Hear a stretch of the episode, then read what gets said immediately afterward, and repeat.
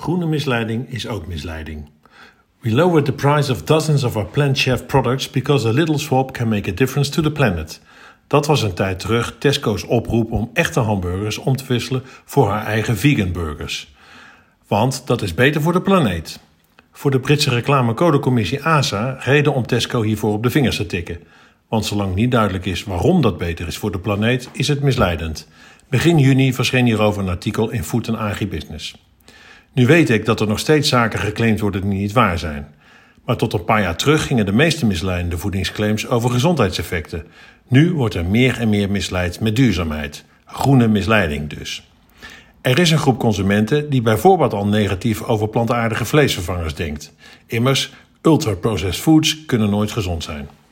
Tel daar mogelijke valse duurzaamheidsbeloften bij op, dan wordt het alleen maar lastiger vertrouwen te bouwen bij consumenten omdat het belang van verdere verduurzaming ook vanuit de EU steeds prominenter wordt, liggen valse claims op de loer.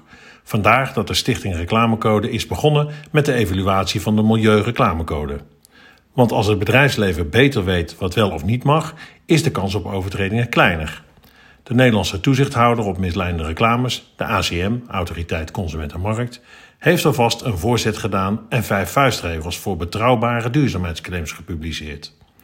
Die komen erop neer dat je duidelijk, feitelijk onderbouwt en actueel aangeeft om welk duurzaamheidsvoordeel het gaat.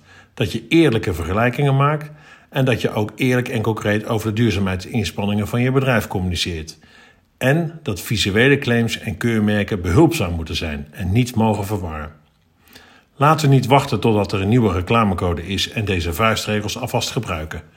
Want we willen niet dat door valse beloften de reputatie van plantaardige vleesvervangers afbrokkelt. Wat je ook van deze producten vindt, ze kunnen wel degelijk een bijdrage leveren aan het verduurzamen van ons eetpatroon.